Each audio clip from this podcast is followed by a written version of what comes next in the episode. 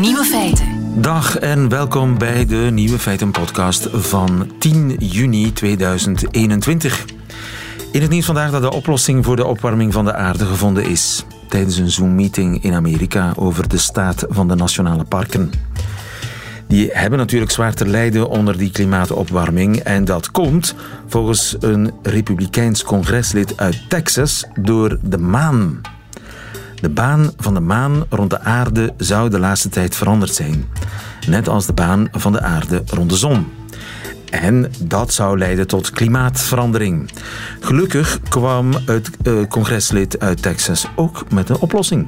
Is there anything that the National Forest Service can do to uh, change the course of the moon's orbit or the Earth's orbit around the sun? Obviously, that would have profound effects on our climate. Voilà, we veranderen gewoon de baan van de maan of de aarde rond de zon. Probleem opgelost. Enkele seconden stilte volgden na deze tussenkomst. Eh, maar de directrice van het Amerikaanse agentschap voor bosbeheer zei dat ze de zaak zou bestuderen. De andere nieuwe feiten vandaag. Er is een nieuwe darmbacterie ontdekt met geneeskrachtige werking. De prijs van karton schiet door het dak. Taalcoach Wouter de Pre neemt de eindtermen in het onderwijs onder handen. En teelballen lijken op hersenen. De nieuwe feiten van Lucas van Klooster hoort u in zijn middagjournaal. Veel plezier. Altijd benieuwd. Nieuwe feiten.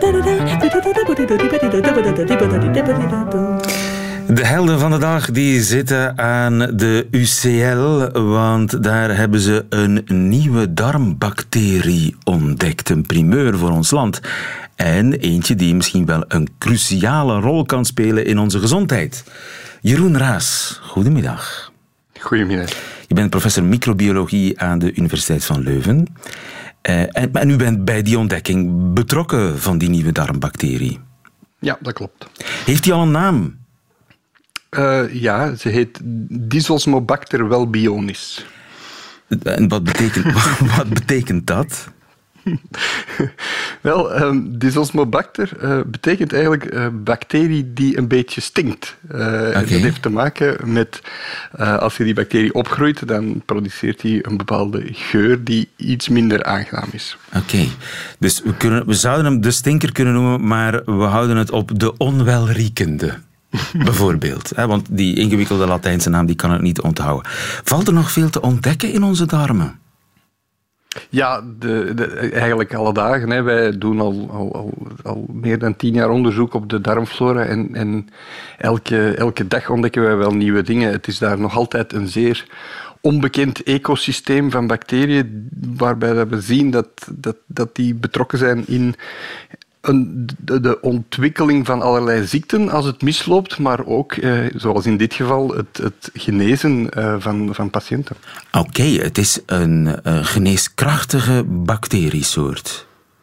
Wel, wat Patrice Cani heeft ontdekt is, is dat als je die bacteriën aan, aan muizen geeft, die uh, tegelijkertijd een dieet geeft om ze dik te maken en, en diabetes te doen krijgen, um, dat je dan ziet dat, dat de, bacteriën die, de muizen die die bacterie erbij krijgen, dat die eigenlijk minder dik worden en dat die minder diabetes-symptomen krijgen. Dus Ondanks het, het dieet dat precies die diabetes en die, ja. ja. dat dik worden moet veroorzaken. Ja, ja, ja. En, dus, en dus daarom gelooft hij en wij erin dat die, dat die bacterie uh, een, een, een, ja, een, soort, een soort geneesmiddel kan worden. Hè. Dat is een, een, zo een, een nieuw concept een beetje dat aan het ontstaan is. We beschouwen bacteriën altijd als iets, als iets slechts. En, en hier tonen we eigenlijk aan dat bacteriën uh, zelfs deel van de oplossing van ziekte kunnen worden. Een soort natuurlijk medicijn. Ja, want het is een, een, een, medicijn dat we gewoon alle dagen met ons als meedragen. Hè. Deze bacterie is, is uit de darmflora geïsoleerd um, en, en is, is, dus met andere woorden niet iets dat, uh, ik weet niet, gefabriceerd is in een of ander labo. Het is gewoon wat we bij hebben. We hebben het zelf gefabriceerd. En hebben we het allemaal? Wel, deze bacterie is te vinden in, in 60 tot 70 procent van de mensen. Dus ja, heel veel mensen uh, lopen daarmee rond. We zien eigenlijk interessant aan deze bacterie is net dat, dat mensen die diabetes hebben of die, die obesitas hebben, dat die eigenlijk minder van deze bacterie hebben. En dus daarom is eigenlijk heel de, de logica van dit uh, onderzoek in die richting gegaan. Het lijkt bijna te mooi om waar te zijn, hè? Het klopt bijna ja, te mooi om waar te zijn. Nee? Akkoord, maar, maar het, is, het is natuurlijk wel. Ehm, het is zo simpel. Er is een bacterie in onze darmen die, ons, uh, ja, die ervoor zorgt dat we niet te dik worden en geen suikerziekte krijgen. Als we die bacterie te weinig hebben, ja, dan bestaat de kans dat we inderdaad te dik worden en suikerziek worden. Ja, en als we die bacterie dan teruggeven, dan, dan kunnen we de mensen hopelijk genezen. Het, het, is, het klinkt enorm simpel. Het is natuurlijk een pak subtieler en ingewikkelder, maar het is wel deel van een, van een grote nieuwe trend in, in, in, in, in microbiota-onderzoek, waarbij we echt gaan kijken naar het menselijk lichaam als een bron van nieuwe geneesmiddelen, in dit geval een bron van, van, van probiotische bacteriën. En is daar ook een verklaring voor waarom die bacterie helpt tegen obesitas en suikerziekte? Ja, toch, we hebben toch theorieën. De, deze bacterie produceert een stofje en die, dat stofje heet boterzuur. En boterzuur is een, een, een, stof die door veel bacteriën in onze darm wordt aangemaakt. En dat is, heeft twee functies. Eén, het is voeding voor onze darmcellen. Hè. Dus eh, onze darmflora voedt onze darm ook een beetje. En tegelijkertijd is het ook een stof die, die ontstekingen kan onderdrukken. En het onderdrukken van ontsteking in de darm beginnen we te zien dat het eigenlijk heel veel goede eigenschappen heeft op, op het hele lichaam. En dus we denken dat dit een van de, van de mogelijke manieren is waarop dat deze bacterie kan helpen. Ja, dus dat is een belangrijke vinding van de mensen van het UCL, waar u ook bij betrokken bent. Je zegt, uh, er valt elke dag wel iets te ontdekken in onze darmen, maar het gebeurt niet elke dag dat er een nieuwe bacteriefamilie wordt ontdekt. En dat is eigenlijk wat er gebeurd is. Ja, helemaal akkoord. De, de, een, het vinden van een, een nieuw genus, hè, in dit geval, is, is, is vrij uitzonderlijk. En dan nog eens een vinden dat uh, nog zulke positieve eigenschappen heeft, ja, dat gebeurt echt niet alle dagen. Reden tot uh, vreugde. Jeroen Raas, dankjewel. Goedemiddag. Graag gedaan.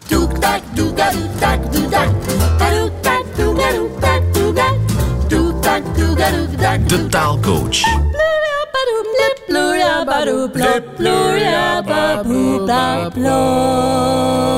Wouter de Pre. Wouter de Pre, de man die voor ons naar nieuwe feiten in de taal speurt. Goedemiddag, Wouter. Goedemiddag, lieve. Wouter, wat is je deze week opgevallen? Ja, het laatste dat we kunnen zeggen van minister van Onderwijs Ben Wijts is dat hij stil zit. Nee, zit niet stil. Week Nee, verleden week was er de mededeling taalbaden zouden komen voor kleuters die op het einde van de derde kleuterklas het Nederlands nog niet voldoende machtig zijn. Deze week willen laten onderzoeken of de invulboeken wel kwaliteitsvol genoeg zijn. Er beweegt iets. En ik denk dat ik een domein heb gevonden waarop er nog werk is qua onderwijs. Oké. De eindtermen zijn te ingewikkeld opgesteld, lieve. Geef eens een voorbeeld. Eindterm 1.1 voor het Nederlands in het lager onderwijs. De leerlingen kunnen de informatie achterhalen in een voor hen bestemde mededeling met betrekking tot het school- en klasgebeuren. Wow. Ja, het is duidelijk. Hier is een vereenvoudiger nodig. We kunnen papier sparen, we kunnen webruimte sparen, we kunnen tijd vrijmaken die leraars anders moeten gebruiken om te moeilijke formuleringen te proberen ontcijferen. En ik zeg niet dat ik die vereenvoudiger moet worden uiteindelijk, maar ik ben zelf toch eventjes aan de slag gegaan om te kijken of we uh, nog winst kunnen boeken. Laten we nog even opnieuw luisteren naar eindterm 1.1. De leerlingen kunnen de informatie achterhalen in een voor hen bestemde mededeling met betrekking tot het school- en klasgebeuren de informatie achterhalen. Ik denk niet dat daarmee bedoeld wordt dat ze als een Sherlock Holmes op zoek moeten naar holle ruimtes in de klaslokalen waar de informatie zit. Ik denk dat dat gewoon betekent eh, begrijpen. Ja, Oké, inderdaad, begrijpen. De informatie kunnen achterhalen. De leerlingen begrijpen een voor hen bestemde mededeling met betrekking tot het school- en klasgebeuren. Voilà. Korter, En hè? dat- ja, een stuk wel. Hè. En het kan nog korter hoor, want eh, een voor hen bestemde mededeling, eh, dat is nogal wiedes, vind ik. Mocht de mededeling niet voor hen bestemd zijn, waarom zouden ze die dan moeten kunnen begrijpen? Dus dan krijgen we dit. De leerlingen begrijpen een mededeling met betrekking tot het school- en klasgebeuren. Inderdaad, zeg. Ja, en die met betrekking tot, dat is te ingewikkeld. Dat is een woordenmist die iemand spuit om belangrijk te klinken. Dat kunnen we vereenvoudigen tot... De leerlingen begrijpen een mededeling over het school- en klasgebeuren. Schiet er nog over het school- en klasgebeuren. Alle woorden waar gebeuren achter gekleefd staat, lieven, die moeten doden. En sowieso. En die mededelingen van de school en de klas, die zullen ook wel over de school en de klas gaan, anders zijn ze niet relevant. Waarom zou een leerling moeten kunnen begrijpen wat de school vindt over de geluidsnormen voor vliegtuigen in de Brusselse rand, bijvoorbeeld, of over de manier waarop de Colorado-kever bestreden kan worden in de aardappelteelt. Dus dat kunnen we vereenvoudigen tot dit. De leerlingen begrijpen een mededeling van de school en de klas.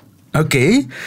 De school en de klas. Ja, die opdeling is onnodig. Hè. De school bestaat uit klassen. Je zegt ook niet, ik en mijn armen gaan naar de winkel. Je zegt, ik ga naar de winkel. En dan weet iedereen wel dat die armen automatisch meegaan.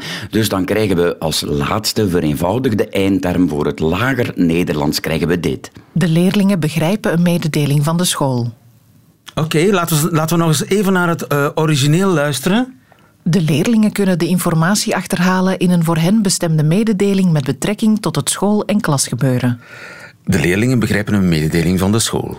Het is beter, denk ik. Het is, Ja, het, is, ja. het is beter.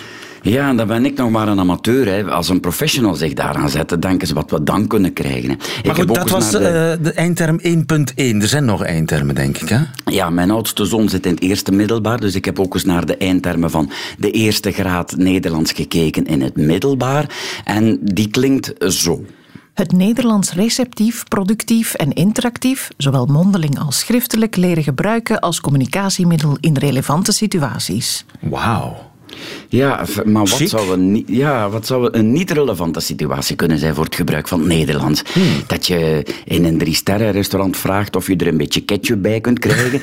Of dat je een lege autobatterij verbaal zit aan te moedigen in de hoop dat ze er mentaal doorkomt en opnieuw wil starten. Lieve, ik denk dat we dat deel kunnen schrappen. En dan krijgen we... Het Nederlands receptief, productief en interactief, zowel mondeling als schriftelijk, gebruiken als communicatiemiddel. Ja, als communicatiemiddel. Dat is evident, hè, dat je het Nederlands communicatiemiddel gebruikt. Ik zie geen andere toepassingen. Je kunt niet poetsen met het Nederlands, je kunt het niet op je boterhammen smeren, je kunt geen nagelen kloppen met Nederlands. Dus schrappen en dan krijgen we dit. Het Nederlands receptief, productief en interactief, zowel mondeling als schriftelijk gebruiken. Ja, kan daar nog iets aan verbeterd worden? Wat is Nederlands mondeling gebruiken, lieve? Dat is spreken, En Wat is Nederlands schriftelijk gebruiken? schrijven. Ah, dan krijgen we... Het Nederlands receptief, productief en interactief spreken en schrijven. Productief, receptief, interactief. Nee, Spreken is productief, schrijven is productief. Dus die productief kan alvast geschrapt worden. Het Nederlands receptief en interactief spreken en schrijven. Receptief, wat is dat? Ik denk dat het slaat op een luisteraar en een lezer, maar die, versta- die veronderstel je altijd als je spreekt of schrijft, dus dat kan weg.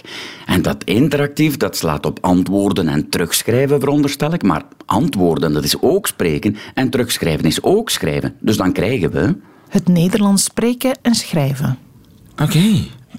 Ja, en we gaan uit van één officieel Nederlands, hè. dus dan heeft het ook geen bepaald lidwoord nodig. Ah ja, dat Het kan het alleen maar- Nederlands. Ja, het kan alleen maar over dat ene Nederlands gaan. Dus dan hebben we als afronding dit. Nederlands spreken en schrijven. Klare taal. en, we, en we komen van, wat was het ook alweer? Het Nederlands receptief, productief en interactief, zowel mondeling als schriftelijk, leren gebruiken als communicatiemiddel in relevante situaties. Dankjewel, Annelies. Graag gedaan. Dit is een normale zin, dat is leuker. Dus eh, de minister zoekt een vereenvoudiger sinds Ja. vandaag. Waarvoor Ja. dank, Wouter de Pre. Tot volgende week. Graag gedaan, lieve. Tot volgende week. Nieuwe feiten.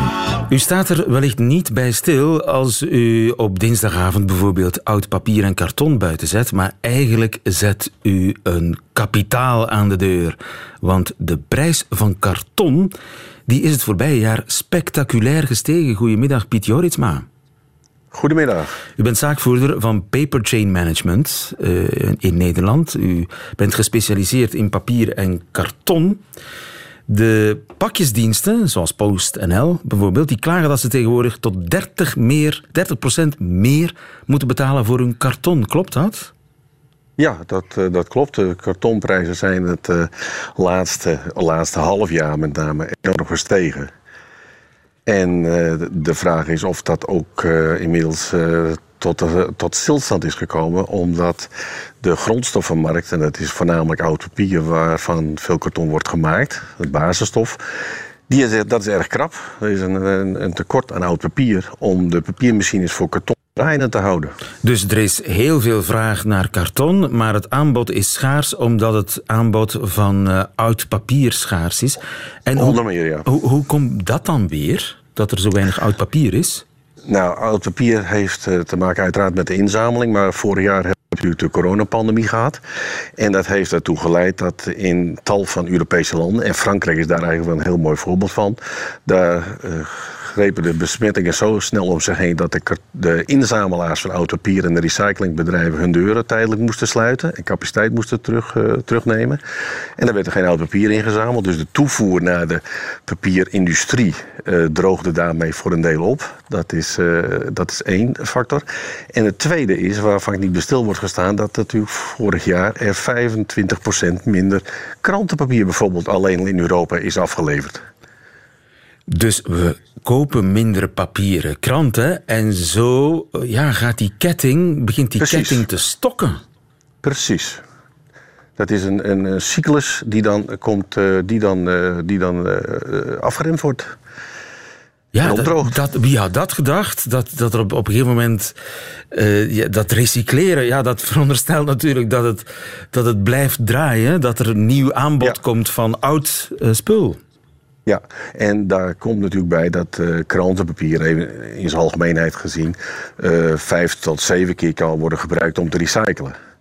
Dus uh, stel je voor dat er 25% capaciteit minder in de markt wordt gezet, volumetechnisch gezien, ja, dan gaat het heel snel. Ja, en ik kan me ook voorstellen dat de vraag aan karton, de vraag naar karton, dat die niet gezakt is. Die is uh, uiteraard heel erg gestegen. Uh, niet alleen door webshop-verpakkingen, dat is wel een hele belangrijke uh, factor. Maar ook productverpakkingen. Hè. producten die snel wisselen van, van samenstelling. komen weer nieuwe verpakkingen, er worden verpakkingen ontwikkeld. Dus de, de industrie op zich groeit ook. Maar ook webshops en uh, transportverpakkingen, uh, die, uh, dat volume is erg, erg gegroeid. Dus nu, er is enorm veel vraag. Ja, de, de grondstoffenschaarste is redelijk algemeen. Wat je dan vaak hoort is, ja, maar China koopt alles op. Koopt China oud papier? China kocht altijd heel veel oud papier. Maar China is uh, zijn, uh, vanwege zijn uh, policy met betrekking tot milieuvervuiling. hebben zij ervoor gekozen om de invoer van oud papier. en name ook vervuild oud papier deels uit Europa. terug te brengen. En dat, is, dat heeft er al toe geleid dat met name Engeland en Nederland, wat hele grote exporteurs waren van oud papier naar China, hun volumes met zeker 50, 60 procent hebben zien dalen. Oké, okay, dus dat is minder een factor dat uh, China ja. oud papier opkoopt en daardoor ons droog zet, bij wijze van spreken. Nu, uh, 30% meer betalen voor karton, dat is een kost voor de producenten. Betaal ik als consument daar al aan mee? Ja, uiteraard zal dat zich vroeg of laat doorvertalen in de consumentenprijzen. Dat is, uh, dat is evident. Dat kan, dat kan ook niet anders. Alleen de impact natuurlijk uh, richting de consument. Uh, kijk, een verpakking is onderdeel van zijn totaal product wat hij koopt. Dus de impact van een kartonprijsstijging... ja, dat zal misschien twee keer het inflatiecijfer zijn wat hij, wat hij erbij krijgt. Dus dat zal, dat, daar staat ons nogal wat te wachten dan? Dat, dat, dat, dat, dat denk ik ook, ja. Ik heb uh, onlangs een nieuwsbrief gepubliceerd onder de titel van de, de giftige cocktail, uh, cocktailfactoren van de industrie. Want uh, we zitten nog niet aan het plafond. Nee, Ik, ik, vermoed niet dat wij aan het plafond zitten, want voor de tweede helft van dit jaar zijn overal uh, prijsstijgingen aangekondigd. Enerzijds en anderzijds hebben we nog te maken met enorme krapte in grondstoffen. En dat zal voorlopig nog wel even zo blijven. Ja, uh, dat geldt niet alleen voor uh, karton. kunnen we nu iets bedenken? Ter, ja, we, we kunnen toch niet met z'n allen weer meer kranten in papier gaan kopen, meer papier gaan verbruiken. Dat kan toch moeilijk de oplossing zijn, hè? Uh, ja en nee. Uh, kranten zijn natuurlijk nog vaak veel milieuvriendelijker, hoewel anderen daar soms anders over denken, dan alles digitaal lezen. Dus, maar even los, los van, van. Dat lijkt mij, ja, dat is een, een, discussie apart natuurlijk. Ja, precies. maar dus... los daarvan de, de, de, industrie staat wel voor een uh, gigantische uitdaging, hoor. ook voor de verpakkingsindustrie. Want de vraag is natuurlijk, als u iets bestelt, dan moet u maar eens op letten, dan krijgt u een doosje thuis. En dat is vaak het veelvoudige van het volume van het artikel dat u koopt. Ja. Een gigantische doos. Een, vaak voor een, een steekproef genomen met, met een eyeliner voor de, vanuit een parfumeriezaak. En dan ontdekte ik dat het volume van het doosje 130 maal groter is dan het potloodje wat verstuurd wordt. En dat stelt de industrie, maar ook de, de, de, de producenten van, eh, van eh, verpakkingen voor de uitdaging: hoe kunnen wij slimmer, smarter verpakken? Wie vraagt om zo'n grote doos? Nobody, niemand. Ja. Alleen wat is het, uh, het uh, gebeurde? Dat heel veel uh, webshop-verpakkers stellen, stemmen alles af op standaard formaten. Dus ik heb dit artikel, ik heb een standaard formaat liggen, dus duw ik het in een doos en ik voorzie het van een opvulverpakking. En dan verstuur ik het. Ja, Zo gaat dat. Daar zit nog ruimte voor verbetering, want anders wordt karton stilaan onbetaalbaar. Piet Joritsma, dankjewel. Ja. Goedemiddag. Oké, graag gedaan. Nieuwe feiten. Veel mannen die lijken te denken met hun edele delen. En nu weten we misschien ook waarom. Want uit nieuw onderzoek blijkt dat hersenen en teelballen dat die sterk op elkaar lijken. Lennart Martens, goedemiddag. Goedemiddag. Je bent eh, bioinformaticus uh, aan de Universiteit van Gent onder meer. Wist jij dat al langer? Uh, wel, wij doen een beetje onderzoek naar welke eiwitten en weefsels bij me met elkaar overeenkomen. En uh, wij hadden dat nog niet op die manier gezien. Maar nu dat er daar iets meer rond te doen is geweest, ben ik eens gaan kijken. En het blijkt dat daar effectief wel redelijk wat uh, gelijke zaken lopen tussen die twee toch wel zeer verschillende stukjes van ons lichaam. Ja, want er zit toch geen brein in mijn teelballen, hè, dacht ik. Wel, niet meteen, maar er zijn wel andere zaken die daar toch uh, op lijken, laten we zeggen. Uh, want natuurlijk, in die teelballen zitten de zaadcellen. Ja. En zaadcellen die hebben ook toch wel een, een heel klein beetje intelligentie nodig. als die dus uh, in de vrouw terechtkomen, moeten die op zoek gaan naar een eicel. En dat is letterlijk zoeken naar een naald in een hooiberg. Dus die zaadcellen hebben ergens wel een beetje, hoe moet je dat zeggen, een beetje een computertje nodig dat in staat is om signalen, chemische signalen, die door die eicel waarschijnlijk worden uitgezonden, we weten dat nog niet heel precies, om die te gaan ruiken, want ze gebruiken daarvoor dingen die heel sterk lijken op de geurreceptoren in onze neus, om die te ruiken en dan te volgen naar hun bron. En als je dat wil doen, een signaal opvangen en dan het signaal volgen naar de plaats waar het telkens sterker wordt, heb je eigenlijk wel een klein beetje intelligentie nodig. En dus wordt er daar toch wel een beetje nagedacht. Uh, natuurlijk niet op niveau van de hersenen. Maar, en uh, spermatozoïden die hebben ook zo'n staart. Hè? Hebben hersencellen soms ook iets wat daarop lijkt? Uh, Jazeker, uh, dat is ook nog een heel mooie overeenkomst tussen de zaadcellen en de hersencellen. Dus als je al ooit een tekening hebt gezien van een hersencel, die lijkt een beetje op een driekoningenster. Hè, dus een, een soort ster op een lange stok. En um, die, die driekoningenster, het, de, het lichaam van de ster is eigenlijk de cel. En dan heb je daar zogezegd de straaltjes, de zonnestraaltjes rond. Uh, dat, zijn, dat noemen we dendrieten, dat zijn korte vertakkingen, die zijn met veel. En de stok onderaan, dat lijkt op, op, op, een, op een lange staart. En dan noemen we het axon. En elke zenuwcel heeft er zo eentje.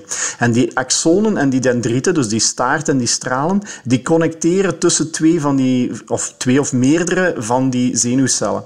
En dus zo'n lange staart, en eigenlijk ook heel veel korte staartjes, zitten ook aan neuronen. En het is in beide gevallen, zowel bij de zaadcel als bij de neuronen, zeer belangrijk dat die staarten correct gevormd worden, dat die sterk en stevig zijn en dat die dus hun functie kunnen uitvoeren. Dus daar zit eigenlijk wel een mooie gelijkenis tussen die twee. Maar dan moet er wel meteen bij gezegd worden dat je zenuwcellen natuurlijk niet rondzwemmen. Hè. Die blijven netjes op hun plaats zitten. Ja, er blijven verschillen uiteraard tussen ballen en hersenen. Nu, werken ballen enigszins als hersenen? Wel, in sommige opzichten wel. Um, maar je moet dan wel een beetje opletten. Dat zijn uh, gelijkenissen in dezelfde zin dat een um, motorkettingzaag lijkt op een auto. Um, je zal op het eerste zicht denken, een motorkettingzaag heeft niks te maken met een auto, maar natuurlijk hebben ze allebei een benzinemotor aan boord. En dus die motor die is zeer gelijkaardig gebouwd, maar bij de kettingzaag doet hij nu toevallig heel wat anders dan dat hij bij de auto doet. Ja. En dat zie je ook een beetje tussen de hersenen en de teelballen, want die gebruiken allebei zeer veel energie. Dus voor onze hersenen is dat logisch. Dus we gebruiken onze hersenen om te denken, die hebben veel energie nodig. Denk bijvoorbeeld aan al de studenten die momenteel aan het studeren zijn en examen aan het afleggen zijn. Uh, trouwens, nog een, uh, uh, een oproep aan de studenten om de goede moed erin te houden en nog even hun best te blijven doen. Um, maar dat is uiteraard ook heel belangrijk in de teelballen. Want we mogen niet vergeten, die teelballen die maken continu zaadcellen aan. Dat zijn er gemiddeld 1500 per seconde. dus dat is een mooi aantal. En daarvoor is heel veel energie nodig. En dus zijn er belangrijke gelijkenissen in de energieproducenten in die cellen. Die zijn heel belangrijk voor zowel de hersenen als voor de teelballen. Dus er wordt heel hard gewerkt, zowel uh, in het brein als in de ballen. En uh, zitten er ook enzymen in onze teelballen, zoals er enzymen aan het werk zijn in onze hersenen? Jazeker, daar uh, zit ook een heel interessante gelijkenis. Want onze, onze teelballen nu niet zo specifiek, maar de zaadcellen die gaan op een bepaald moment de eicel vinden. En als die de eicel vinden, dan hebben ze nog de taak om in die eicel binnen te dringen. En dat is niet evident, omdat die eicel bevat een soort harnas aan de buitenkant dat uh, ervoor zorgt dat de zaadcel niet zomaar binnen kan. Om dat, te kunnen, om dat harnas te kunnen doorbreken, moet die uh, zaadcel dan enzymes vrijstellen, die dan aan dat harnas beginnen knabbelen. En als daar een voldoende groot gat in geraakt, dan kan die zaadcel binnen. Dus het is zeer belangrijk dat die zaadcel voldoende van die enzymes vrijstelt om dat harnas aan te vallen. Ja, en ook onze hersenen werken heel vaak met enzymen die commando's doorgeven of processen in gang steken en dat soort dingen. Juist, want onze zenuwcellen gebruiken eigenlijk uh, een, een systeem van chemische stofjes die het signaal maken tussen twee zenuwcellen. Want er zit een klein gaatje tussen die zenuwcellen, die raken elkaar net niet. En er worden chemische stoffen afgegeven door de ene cel, die dan terechtkomen op de andere cel, en dat geeft het signaal door. En het probleem is dat dat signaal ook weer moet stoppen. Je kan dat signaal natuurlijk niet laten blijven draaien. En de manier waarop dat, dat dan weer gebeurt, is dat die zenuwcel ook enzymes gaat vrijstellen. Dat zijn totaal andere enzymes dan bij de zaadcellen, maar het principe is hetzelfde. En die enzymes gaan dan die chemische stofjes afbreken, die tussen die twee cellen zijn, om zo het signaal weer stil leggen. Verbijsterend allemaal, maar wat ik mij nog afvraag is als ik goed draaiende hersenen heb, heb ik dan ook goed draaiende ballen of goed werkende teelballen? Wel, dat is waarschijnlijk een van de meest uh, bizarre conclusies uh, aan dit soort onderzoek. Dat blijkt inderdaad zo te zijn. Omdat er zoveel functies gedeeld zijn tussen die twee organen, uh, is het zo dat wanneer die functies, die basale functies, die, die eiwitten die van onze genen komen, goed werken in de teelballen, dat die waarschijnlijk ook zeer goed werken in de hersenen. En er is dus wel degelijk een correlatie tussen zeer goed zaad bezitten en een hogere intelligentie hebben. Ehm, dat is, laten we zeggen, een gelukkig toeval. Uh, maar dat wil wel zeggen dat als je dus selecteert voor vruchtbare mannen, dat je blijkbaar ook selecteert voor de wat intelligentere mannen. Het is een mooie dag aan de universiteit, neem ik aan. Uh, onder mannen. Ik denk, dat, uh, ik denk dat wij daar allemaal zeer gelukkig mee kunnen zijn. um, het is altijd leuk om te horen. Maar er zit blijkbaar ook wel een evolutionair hoekje aan, dat ook wel interessant is. Want het blijkt dat de teelballen de meest complexe weefsels zijn in, ons, in alle menselijke lichaamsweefsels. En het punt daar is dat um, bijna elk gen gebruikt wordt in de teelballen. En men heeft daar zeer recent een heel mooie studie over gedaan in het topvakblad Cell. En daaruit blijkt dat genen die tot expressie komen in onze teelballen of, en in onze zaadcellen, dat die moeilijk muteren. Dus die kunnen moeilijk veranderen in slechtere vormen. Want als dat gebeurt, ja, dan werkt die machinerie niet meer ja, en dan kan je je ook niet voortplanten. Dus slecht functionerende teelballen, slecht functionerende zaadcellen, die zorgen niet voor nageslacht. En dit schijnt een evolutionair controlemechanisme te zijn om ervoor te zorgen dat zoveel mogelijk zaken vrij goed functioneren in de, uh, de, de, de, nazaten hè, die dan uit die zaadcellen komen. Dus het is eigenlijk een soort grote generale repetitie van het genetisch repertoire in die teelballen om dan zeker te zijn dat wat er tot aan de eicel geraakt effectief goed zal functioneren. Wat zit de natuur toch prachtig in elkaar. Lennart Martens, dankjewel. Goedemiddag. Heel graag gedaan. Radio 1. Nieuwe feiten. Dat waren de nieuwe feiten van 10 juni 2021. Alleen ook die van Lucas van Klooster krijgt u in zijn middagjournaal. Nieuwe feiten. Middagjournaal. Waarde luisteraar van Brussel Vlaams. Rond deze tijd beëindigt een multicultureel leger vaklui allerlei werkzaamheden in onze woning. Die sleepte nogal aan omdat verscheidene stukken ontbraken bij levering.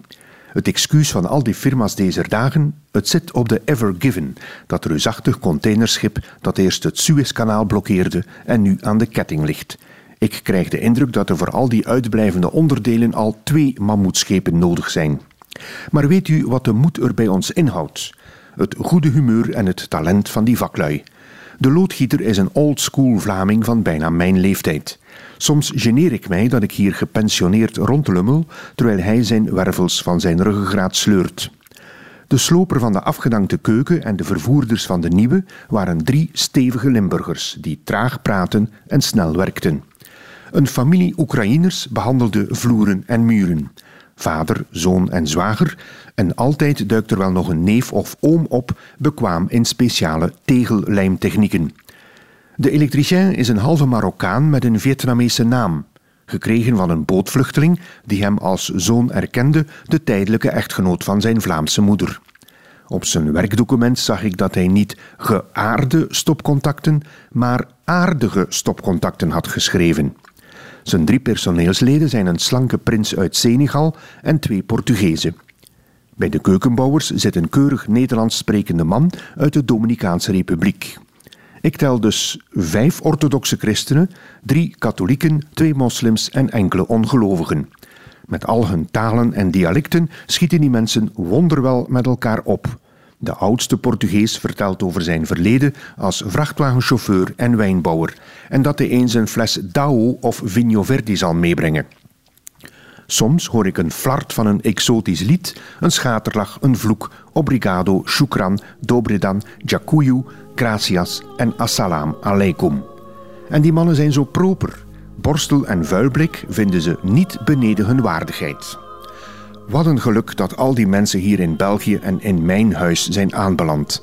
Zonder hen zaten we hier nog de vaat te doen in een zinken teil onder een koudwaterpompzwengel, verschoonden we na gedane zaken ons achterste met verknipt krantenpapier boven een opening in een plank en wasten we ons allen tegelijk in een zitbad waarover Johan Antierens schreef: Het onderlijf baat, het bovenlijf droog kijkt toe.